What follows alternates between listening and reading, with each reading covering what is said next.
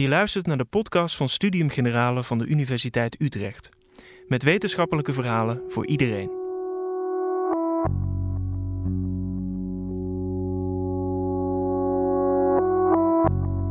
Met Sapiens zette de Israëlische schrijver en historicus Yuval Harari zichzelf in no time op de kaart.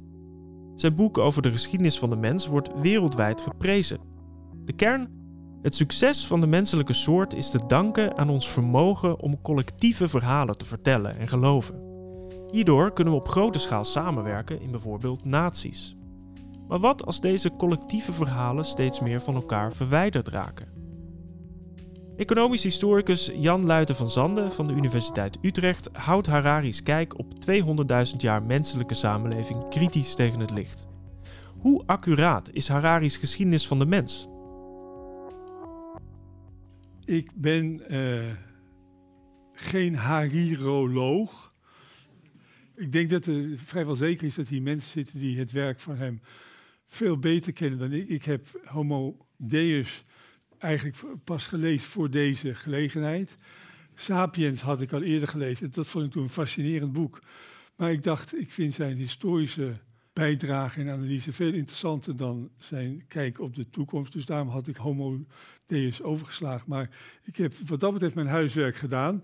Maar uh, de andere boeken, uh, de Graphic History, die uh, een aantal jaar geleden is uitgekomen, en het kinderboek.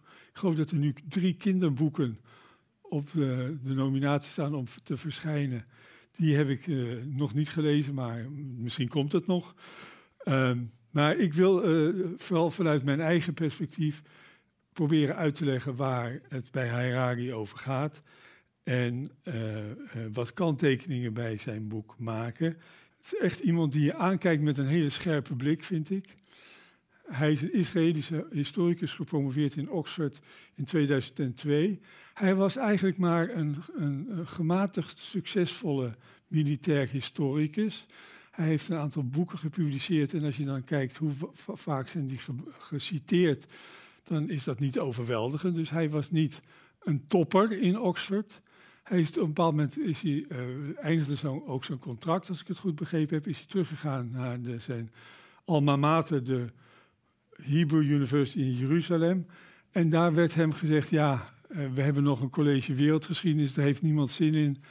Dat is iets voor de eerstejaars is dat iets voor jou? En toen ja, was hij min meer aangezet, gedwongen om dat te gaan doen. En daar heeft hij wel een leuk succes van gemaakt. Want dat heeft dus geleid tot zijn, ja, de ontwikkeling van zijn gedachten die eerst in het Hebreeuws in Sapiens zijn gepubliceerd en vervolgens in 2014 in, in het Engels. En vervolgens is dat een enorm succes geworden. En nou ja, dat hij een, enorm succes is, blijkt ook weer uit het feit dat hij u allen hier vandaag aanwezig bent. Hij mediteert en hij is veganist. Hij heeft ook wel een hele specifieke kijk op de relaties tussen mensen en dieren, mensen en de natuur. En daar kom ik nog wel over te spreken, want uh, uh, dat is toch wel een integraal onderdeel van zijn visie op de geschiedenis. Ik wilde eerst een beetje met u praten over de vraag: waarom is het nou zo'n enorm succes geworden? Dat was eigenlijk de eerste vraag die mij voorgelegd werd toen ik mijn collega's vertelde dat ik deze lezing ging houden, eerst, eerst zei ze eigenlijk, waarom doe je dat nou?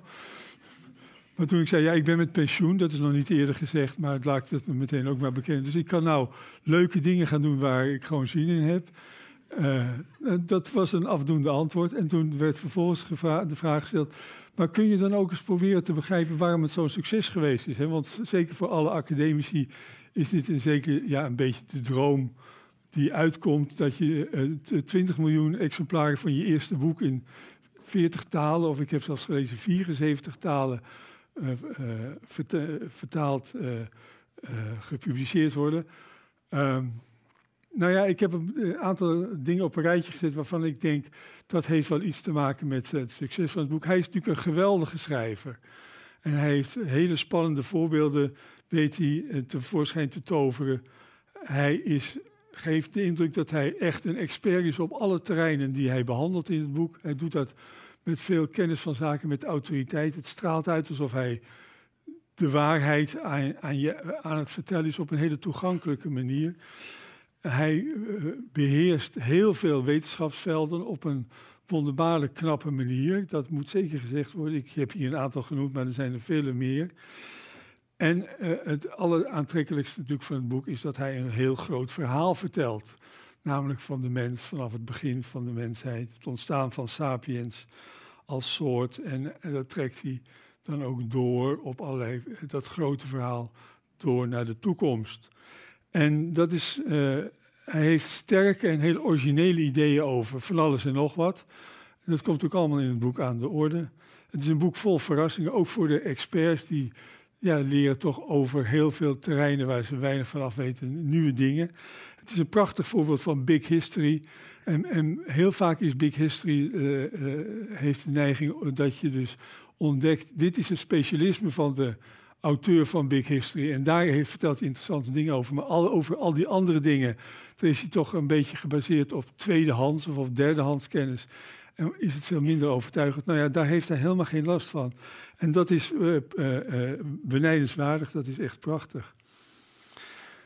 En vervolgens, een andere succesfactor is denk ik ook de inhoud van het verhaal.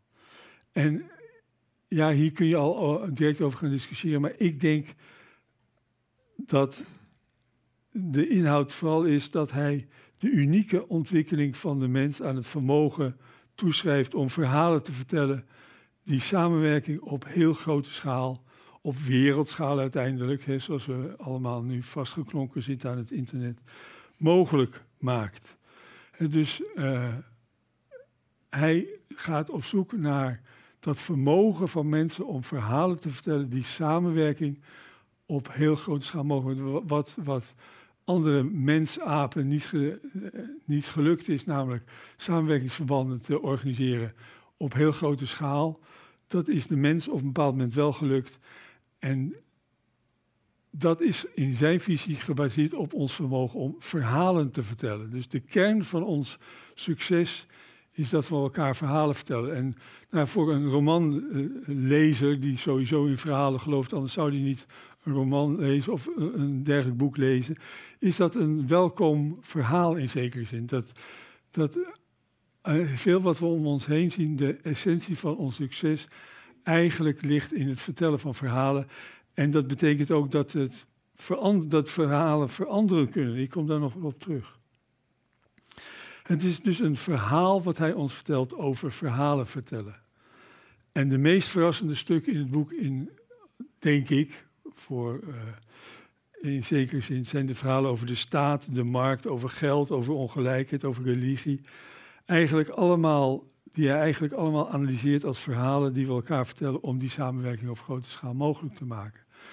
Um, dus de markt is niet iets abstracts waar we allemaal aan moeten geloven. Dat, dat is natuurlijk een verhaal wat wel veel wordt verteld. Of geld is niet iets uh, waar, uh, wat uh, volgens een bepaalde absolute logica functioneert. Of ongelijkheid is niet. En dus je, maar het zijn allemaal verhalen die we elkaar, die elkaar vertellen om de samenwerking, de, samen, de samenleving eigenlijk mogelijk te maken. En in zijn visie is dat vermogen om die verhalen te vertellen zo'n 70.000 jaar geleden ontstaan in de cognitieve revolutie.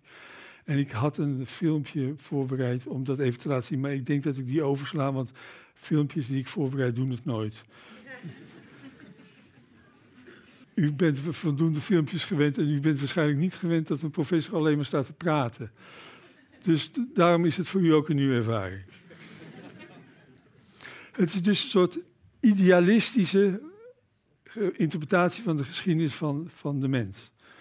Um, als alles een verhaal is, kunnen we het ook allemaal makkelijk veranderen. Als, als geld en de markt en ongelijkheid allemaal subjectieve verhalen zijn, dan betekent het ook dat we die verhalen anders kunnen vertellen, zodat we dus in, in theorie, in, in principe, een heel ander type samenleving tot de mogelijkheden zou behoren. Dat is in zekere zin de positieve kant van zijn verhaal. Zo eindigt het boek eigenlijk niet. Het eindigt niet of het heeft niet eigenlijk als grote moraal. Laten we nu leukere en humanistische verhalen of, uh, uh, aan elkaar gaan vertellen om de samenleving te gaan veranderen. Het eindigt op een heel andere manier. En dat is, het eindigt op een manier waarin de mens eigenlijk ja, weer buiten beeld raakt. Daar kom ik op duur wel weer over te spreken. Maar dat heeft te maken, denk ik, met wat ik zou willen noemen zijn problematische relatie met het humanisme. Met, uh, en daar ergens zit er iets wat ik niet helemaal overtuigend vind. En waardoor het, hij uiteindelijk concludeert dat ja, de mens is een experiment die over een tijdje weer afgelopen is, zou je, zou je uh, kort door de bocht kunnen, kon, kunnen stellen. En ik weet niet of dat overtuigend is. Um, ja, dit heb ik eigenlijk. Het is dus geen boek. Veel Big History gaat over technologie, of over genen, of over uh, wetenschappelijke vooruitgang. En dat staat er allemaal wel in, maar dat is niet de kern van het verhaal. Het is een, uh, de kern van het verhaal is in zekere zin de software, de idealistische kant in, van de geschiedenis, en niet de hardware van de geschiedenis.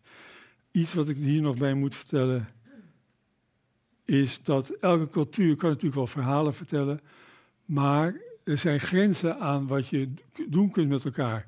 Je moet je wel ook als cultuur aan bepaalde natuurwetenschappelijke uh, regels houden. En je moet ervoor zorgen dat je zo voldoende voedsel produceert om de leden van je cultuur ja, in leven te houden, om eens iets te noemen. Dus er zijn grenzen aan de maakbaarheid, de veranderbaarheid van verhalen. Uh, en uh, dat is iets waar hij niet systematisch over nagedacht heeft, denk ik. En dat mis ik een beetje. Dat kom ik ook nog een beetje op terug. Um, ja, ik wil dus vanaf dit punt even de geschiedenis doorlopen en een aantal punten eruit pikken waarvan ik, die cruciaal zijn voor zijn verhaal. Waarvan ik ook soms kan zeggen, nou, is dat nou ook wat er algemeen in het vakgebied wordt gedacht? Of welke, welke kanttekeningen kunnen we daar verder bij maken? En dat zijn er vijf die door, gelijk door de tijd verspreid zijn. De eerste stap is het ontstaan van sapiens, dus de cognitieve revolutie van 70.000 jaar geleden. Dat is een bekend begrip uit de archeologie, uh, geloof ik. Um, hij schrijft dat, hij is niet zo heel duidelijk over waarom dat nou 70.000 jaar geleden opeens zo gebeurd is. Hij noemt de mogelijkheid van een toevallige mutatie van DNA van Homo sapiens. Maar uh, uh, het gaat om zo complexe cognitieve sprongen die gemaakt worden. Want taal ontstaat hier, cultuur, religie. Je ziet dat megafauna op grote schaal verdwijnt in deze periode. Dus de, de mammoeten en ja, eigenlijk overal waar Homo sapiens verschijnt vanuit zijn trek uit Afrika, zie je dat grote concurrenten megafauna uitsterven. Dus het is een heel pakket van dingen die vrij snel verschuiven. En uh, het is eigenlijk niet denkbaar dat dat door één mutatie mogelijk zou zijn. Daarvoor is de verandering, alleen al het aanleren van taal, is zo complex. Daar heb je een veel groter deel van je hersenen voor nodig.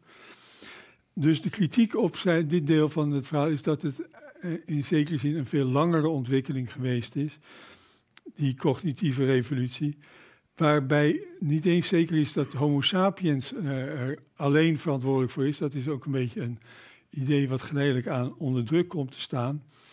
Uh, ook Neandertalers uh, hebben cultuur, ik zal zo daar voorbeelden van laten zien.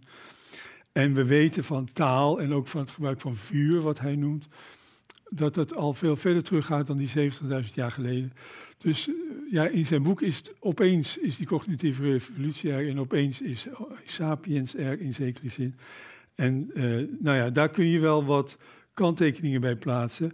Dat is ook de laatste tijd vooral gebeurd door dat ne kunst ontdekt is in grotten in Spanje onder andere. Hier ziet u die handen in ieder geval één van die handen is uh, ouder dan, ziet u dat? Is ouder dan 60.000 jaar en dat betekent dat het nog 20.000 jaar duurde voordat Homo sapiens zich hier vestigde. Dus dat moet kunst zijn geweest wat door Neandertalers is gemaakt. En iets vergelijkbaars is ook in dezelfde grotten gevonden, geloof ik. Dus uh, het is niet één sprong geweest, het is een veel langzamer geleidelijke ontwikkeling geweest.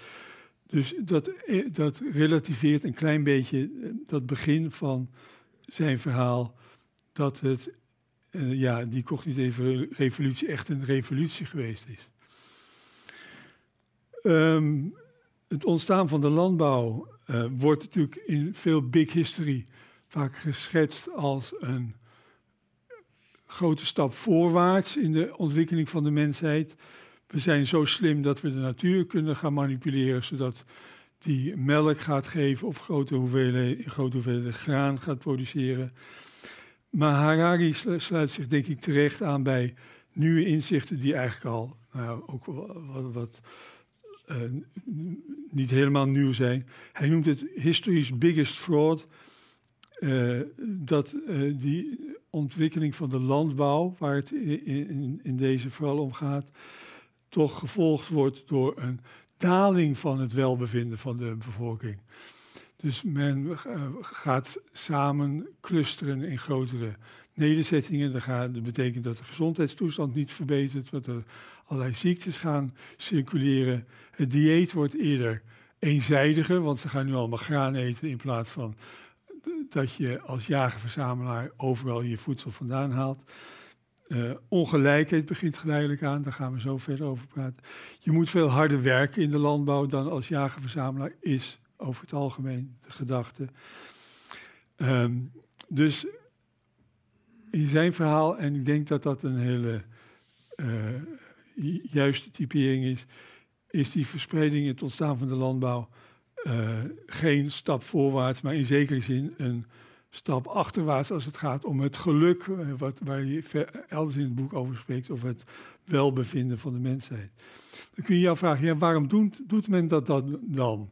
Waarom gaat men over tot de landbouwactiviteiten Terwijl dat uiteindelijk niets of alleen maar minder welbevinden oplevert. Ja, het is natuurlijk een heel langzaam proces. Het duurt eeuwen voordat, en misschien wel millennia, voordat de e-, echte consequenties van deze transitie duidelijk worden. Dus voor individuele boeren in spe zou het misschien het beste kunnen zijn wat ze op dat moment doen. Maar op lange termijn, omdat ze ook om we uh, een bevolkingsgroei daarmee genereren, waar ze natuurlijk niet in, de, in de besluitvorming rekening mee houden, maar wat een soort uh, bijeffect is van de hele Neolithische revolutie. een onmerkbaar bijeffect. ja, verspreidt die landbouw zich toch geleidelijk aan. Het, het begint dus hier in uh, bekende Levant, uh, de Golden, hoe heet het, Golden uh, Arch of iets dergelijks. Nee, dat is McDonald's geloof ik. Hè? Maar in ieder geval de, de gouden band die op dit kaartje wordt aangetoond. Um, daar was ik naar op zoek, dank u wel. Dat krijg je als je met pensioen bent en dan mis je af en toe een stapje. Um, het derde stap in zijn verhaal, althans zo zou je het kunnen uh, zien, is het ontstaan van hiërarchische samenlevingen in eerst Mesopotamië en dan later Egypte, China, India. En dat verspreidt zich dan geleidelijk aan. Dat is een soort onbedoeld bijeffect in zekere zin van de Neolithische revolutie, dus de opkomst van de landbouw. Want dat leidt uiteindelijk tot urbanisatie, tot bu bureaucratie, tot uh, staatsvorming. Uh, maar dat, daar moet je wel uh, erbij vertellen dat dat duizenden jaren na het begin van de Neolithische revolutie pas echt op gang komt. Dus het is niet, een, het is niet een, onmiddellijk effect ervan. We kennen deze samenlevingen, ik heb daar ook nog wat plaatjes van op een rijtje gezet, als e extreem ongelijke samenleving. Denk aan grote maat van slavernij in Mesopotamië of in Egypte.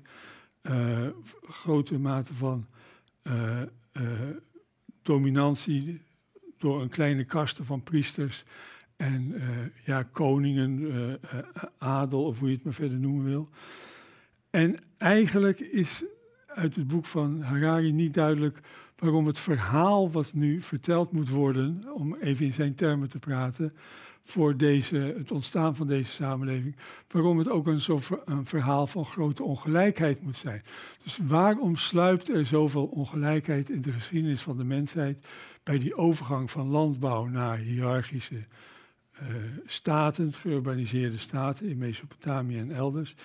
Dat is niet helemaal duidelijk. Ongelijkheid is sowieso een thema wat in zijn boek niet, ja, het komt natuurlijk op allerlei punten wel naar voren, maar niet heel erg prominent is. Um, dus daar, daar zit nog ergens een gat in de redenering, denk ik. En uh, uh, economisch, historisch of uh, historisch in het algemeen hebben er natuurlijk veel over nagedacht.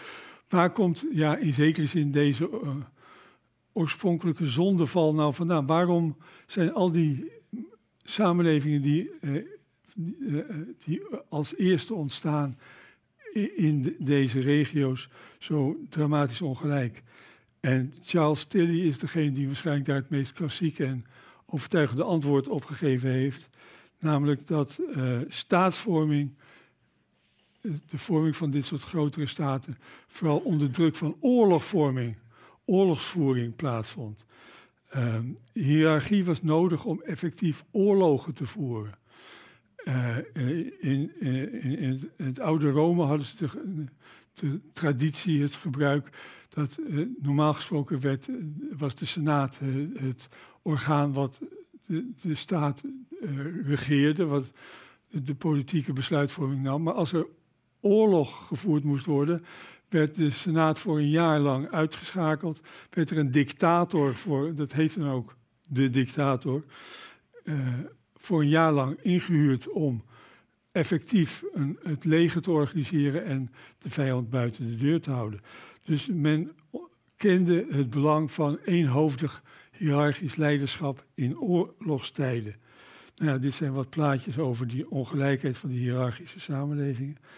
Um, en we, we, kennen allemaal voorbeelden uit het verleden die dat bevestigen. De eerste keizer van China, die uh, eigenlijk het Chinese keizerrijk gevestigd heeft.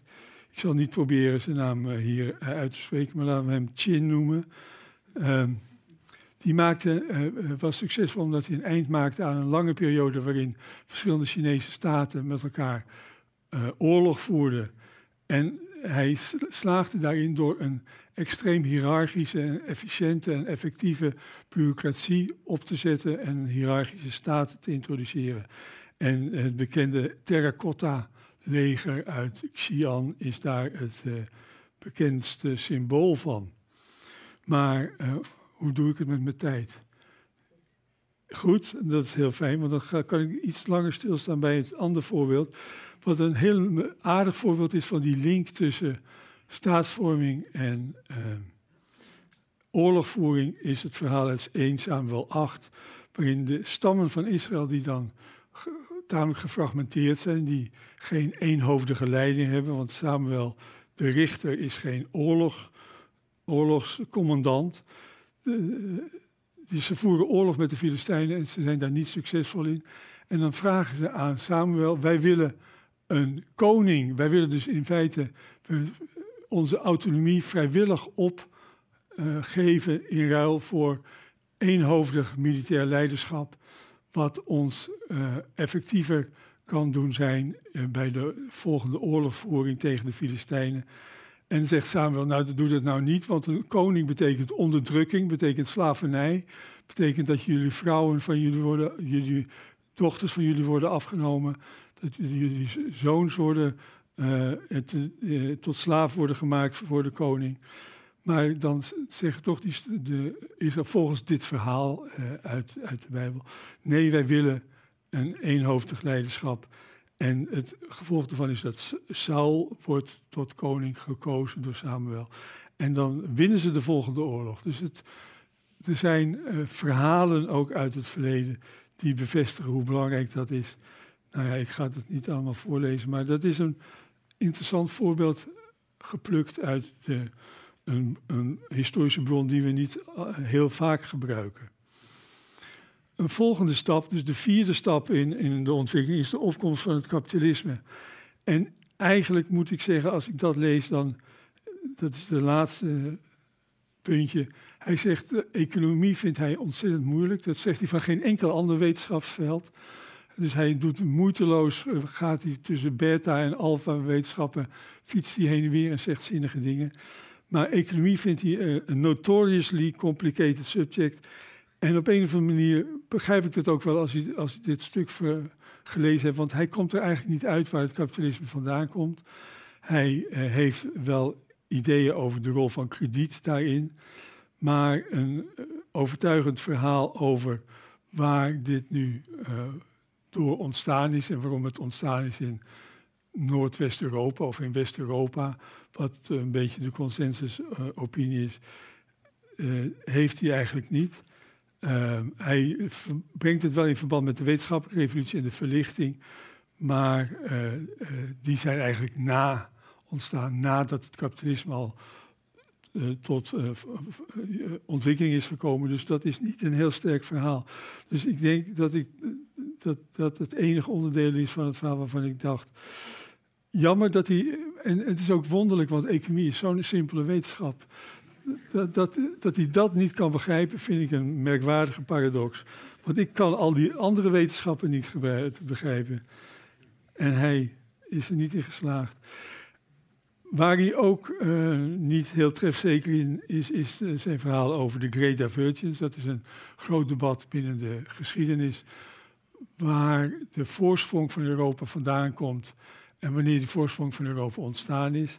Hij benadrukt aan de ene kant dat het kapitalisme ontstaan is rond 1500, dat de wetenschappelijke revolutie in de 16e eeuw op gang komt, enzovoort. Dus veel is bijzonder in aan Europa voor de industriële revolutie.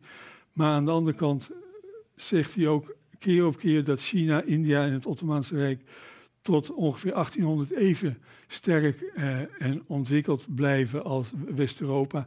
En die twee kunnen niet allebei, in mijn beleving, uh, waar zijn. Um, over de industriële revolutie heeft hij een uh, interessant verhaal. In de zin van dat het een belangrijke verandering is in het energiesysteem. daar heb ik eigenlijk niet heel veel op aan te merken de essentie is dat je voor de industriële revolutie twee energiesystemen hebt. Een warmte-energiesysteem met hout en steenkool en turf. En een uh, bewegingsenergiesysteem wat wordt gevoed door uh, landbouwactiviteiten. En, en, die worden opgegeten door mensen die dan daar, of door vee, die voor bewegingsenergie in de economie kunnen zorgen. En de industriële revolutie zorgt ervoor dat die twee gekoppeld raken aan elkaar via de stoommachine. En dat is denk ik een hele goede uh, en duidelijke visie daarop. En uh, de wetenschappelijke revolutie en de verlichting is uh, de, de belangrijkste motor daarachter geweest. Daar zijn we het ook allemaal wel over eens. Hij heeft ook uitdagende ideeën over het, het, het feit dat we eigenlijk helemaal geen energietekorten hebben dat we eigenlijk helemaal geen grondstoffentekort hebben. En veel van het denken over milieuproblemen sinds de Club van Rome gaan, staan in het teken van de angst voor het opraken van grondstoffen en energiebronnen. En daarvan zegt hij, nou, dat, dat is in de praktijk eh, niet het geval geweest. We zijn altijd steeds slimmer gebruik gaan maken van beschikbare energie- en grondstoffenvoorraden. Dus uh, daar hoef je je eigenlijk helemaal geen zorgen over te maken. Dan kom ik uh, bij wat ik denk uh, uh, het meest problematische onderdeel van zijn visie vind. En dat is zijn relatie tot, tot humanisme. Hij bespreekt de religies van uh, de wereld in zijn boek kort. Maar hij typeert het humanisme als de religie van de moderne samenleving en is daar heel negatief over. Humanist religions worship humanity, worship humanity, a belief that Homo sapiens has a unique and sacred nature which is fundamentally different from the nature of all other animals and of all other phenomena. Dus uh, hij zet zich af tegen het idee dat de mens zich centraal stelt in het wereldgebeuren in de geschiedenis. Maar ja, daar gaat wel zijn hele boek over. En hij kritiseert het feit dat we zo'n problematische relatie met de natuur en met dieren hebben, met name. hij vergelijkt met name in, zijn tweede, tweede boek Homo Deus op een heel uitvoerige manier. Ehm, het leed van wat de mens de koe aandoet en dieren in het algemeen aandoet. Uh, en hij concludeert in zekere zin ook in Sapiens dat het succes van, de, van Sapiens gebaseerd is op het lijden van de natuur en de afname van biodiversiteit en het lijden van dieren. Dat is denk ik waar. Ik bedoel, daar is op zich weinig tegen in te brengen. Maar op grond daarvan verwerpt hij al het humanisme. Uh, en uh, ook zijn toekomstvisie gaat een zodanige kant op dat je een toekomstvisie uiteindelijk zonder mensen voor ogen heeft. Um, daar, uh, ja, hoe zeg je dat nou op een subtiele manier? Ik denk dat dat niet de juiste manier is om om te gaan met deze problemen. Ik denk dat er aanwijzingen zijn dat, dat ook dat humanisme zich steeds verder heeft uitgebreid. Eh, dat we steeds gevoeliger zijn geworden voor het lijden van dieren om ons heen, voor de, de waarde van de natuur op zich. Als je de afgelopen honderd jaar bekijkt, dan zie je dat de waardering voor de natuur en de waardering voor dieren eh, dramatisch veranderd is. En we zitten eh, dus in zekere zin in een soort verbreding van het humanisme, waarin het niet alleen meer om de mens gaat, maar ook om de natuur en de dieren om ons heen. Uh, dat is een proces wat nog maar in, in zekere zin in het begin uh, nog maar net begonnen is. Maar wat veelbelovender is, denk ik, dan het volledig terzijde schuiven van het humanisme. Maar misschien kunnen we daar straks verder nog over doorpraten. Ik had nog wat citaten, ook op pagina 256 en 263 gevonden, waar hij wel heel scherp uitvaart tegen het humanisme. En ik denk eh, nou, dat dat misschien nog wel een bron van verdere discussie zou kunnen zijn. Um, zijn toekomstvisie is dus in zekere zin ook je zou kunnen zeggen, posthumanistisch. Hij ziet een einde van sapiens voor zich. Hij is heel positief, heel optimistisch over de mogelijkheden om menselijke functies te vervangen door machines. Cyborgen en ander volk uh, zal geleidelijk aan de plaats van de mens innemen. Uh, de mens kan herontworpen worden, is de indruk die je krijgt. Artificial intelligence zal ons over een paar generaties overbodig maken en misschien wel de macht overnemen. Um, dat is de, ja, de, in zekere zin de posthumanistische visie die hij heeft op de toekomst, die niet helemaal logisch voortvloeit uit zijn hele boek, denk ik, maar vooral logisch voortvloeit uit zijn kritiek op het humanisme. Dus er zit wel een, een spanning, denk ik, in het hele boek tussen die twee, uh, zijn, zijn historische visie en zijn kritiek op humanisme. Daar, uh, dat is niet uh, iets wat naadloos in elkaar overgaat, althans zo ervaar ik dat. Um, sommige onderdelen van het boek die zijn natuurlijk geschreven voor Oekraïne. Voor de, en dat, dat, dat merk je dan ook. Hij schrijft dingen als: Het is nu niet denkbaar meer dat uh, Europese landen elkaar zouden aanvallen en, en, tot volledige oorlogvoering zouden overgaan. Nou, dat, niemand kon natuurlijk Oekraïne voorzien. Maar wat hij ook schrijft is dat uh, in oorlogvoering de mens binnenkort overbodig is want dat wordt allemaal door machines die veel slimmer zijn overgenomen. Dat is dus die posthumanistische visie geprojecteerd op oorlogvoering. En ja, wat we nou uit Oekraïne geleerd hebben, is dat ja, de mens toch een, ook in deze oorlogvoering een cruciale rol is blijven spelen. Dat zonder het, de motivatie van de Oekraïnse leger en burgerij de oorlog een heel andere wending zou hebben genomen. Ehm, ik ben ook niet zo ehm, overtuigd van het idee dat de mens makkelijk vervangen zou kunnen worden. Dus dat die cyborgen binnenkort uh, de zaak over gaan nemen. Uh, ik ben eerder heel erg onder de indruk van uh, de. Kijk, wij zijn als mensen het product van 4 miljard jaar evolutie. Hè. De, de, Darwin, de evolutie Darwin is zo'n 4 miljard jaar geleden op deze aarde begonnen. En dat heeft buitengewoon efficiënte manieren opgeleverd om dingen te doen. dus als ik uit mijn raam kijk thuis, dan zie ik daar uh, onze zonnepanelen aan de ene kant en aan de andere kant bomen. En dan, eigenlijk doen ze precies hetzelfde, dat is ook een beetje het plaatje. Maar ze doen het op een veel efficiëntere manier, die bomen. Die zorgen namelijk voor zichzelf, om, om eens iets te noemen. Die verjongen zichzelf, die eh, maar het zijn allebei manieren om te profiteren van uh, zonne-energie en dat om te zetten in energie die bruikbaar is voor andere doeleinden, voor uh, reproductie, voor groei, voor economische activiteit en dergelijke meer. Maar die simpele boom doet dat vele en vele malen slimmer dan de, dat zonnepaneel wat daar ook staat. Ik ben heel trots op onze zonnepanelen hoor, dus geen slecht woord erover.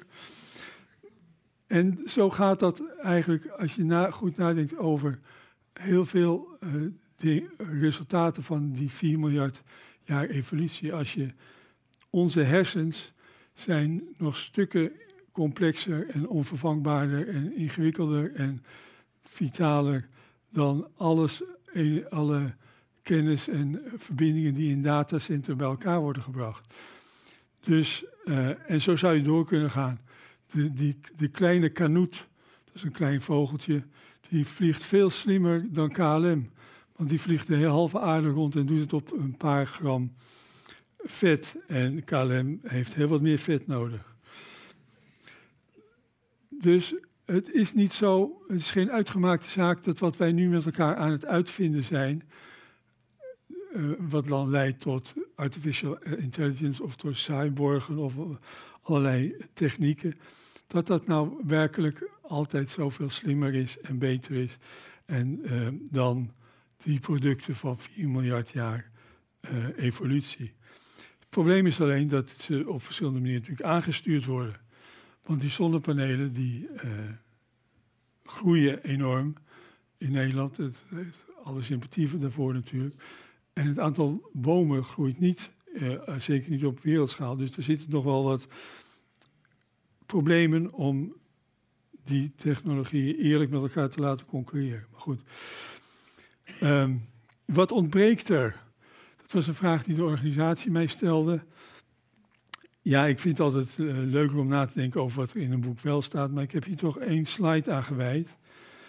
Ja, gender is toch wel een beetje afwezig. En ik wil niet van de genderpolitie zijn. Maar de relatie tussen mannen en vrouwen. Ja, die hadden fantastisch in het, boek gepast. ook die, die, die eerste ongelijkheid van die uh, hiërarchische staten.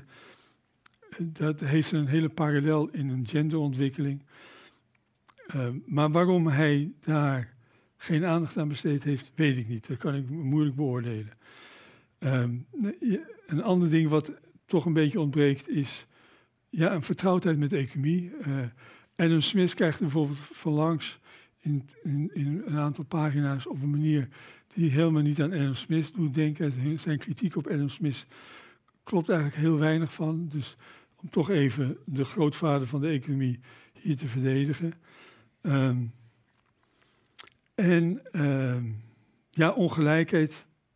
Het zit natuurlijk allemaal in, want het, alles zit in dit boek. Dus het is, eigenlijk bijna geen thema, behalve gender zou je kunnen zeggen, wat niet uh, aan de orde komt. Maar uh, het hele verhaal over revoluties, de, uh, de egalitaire wending van de 20e eeuw, georganiseerd kapitalisme en zo.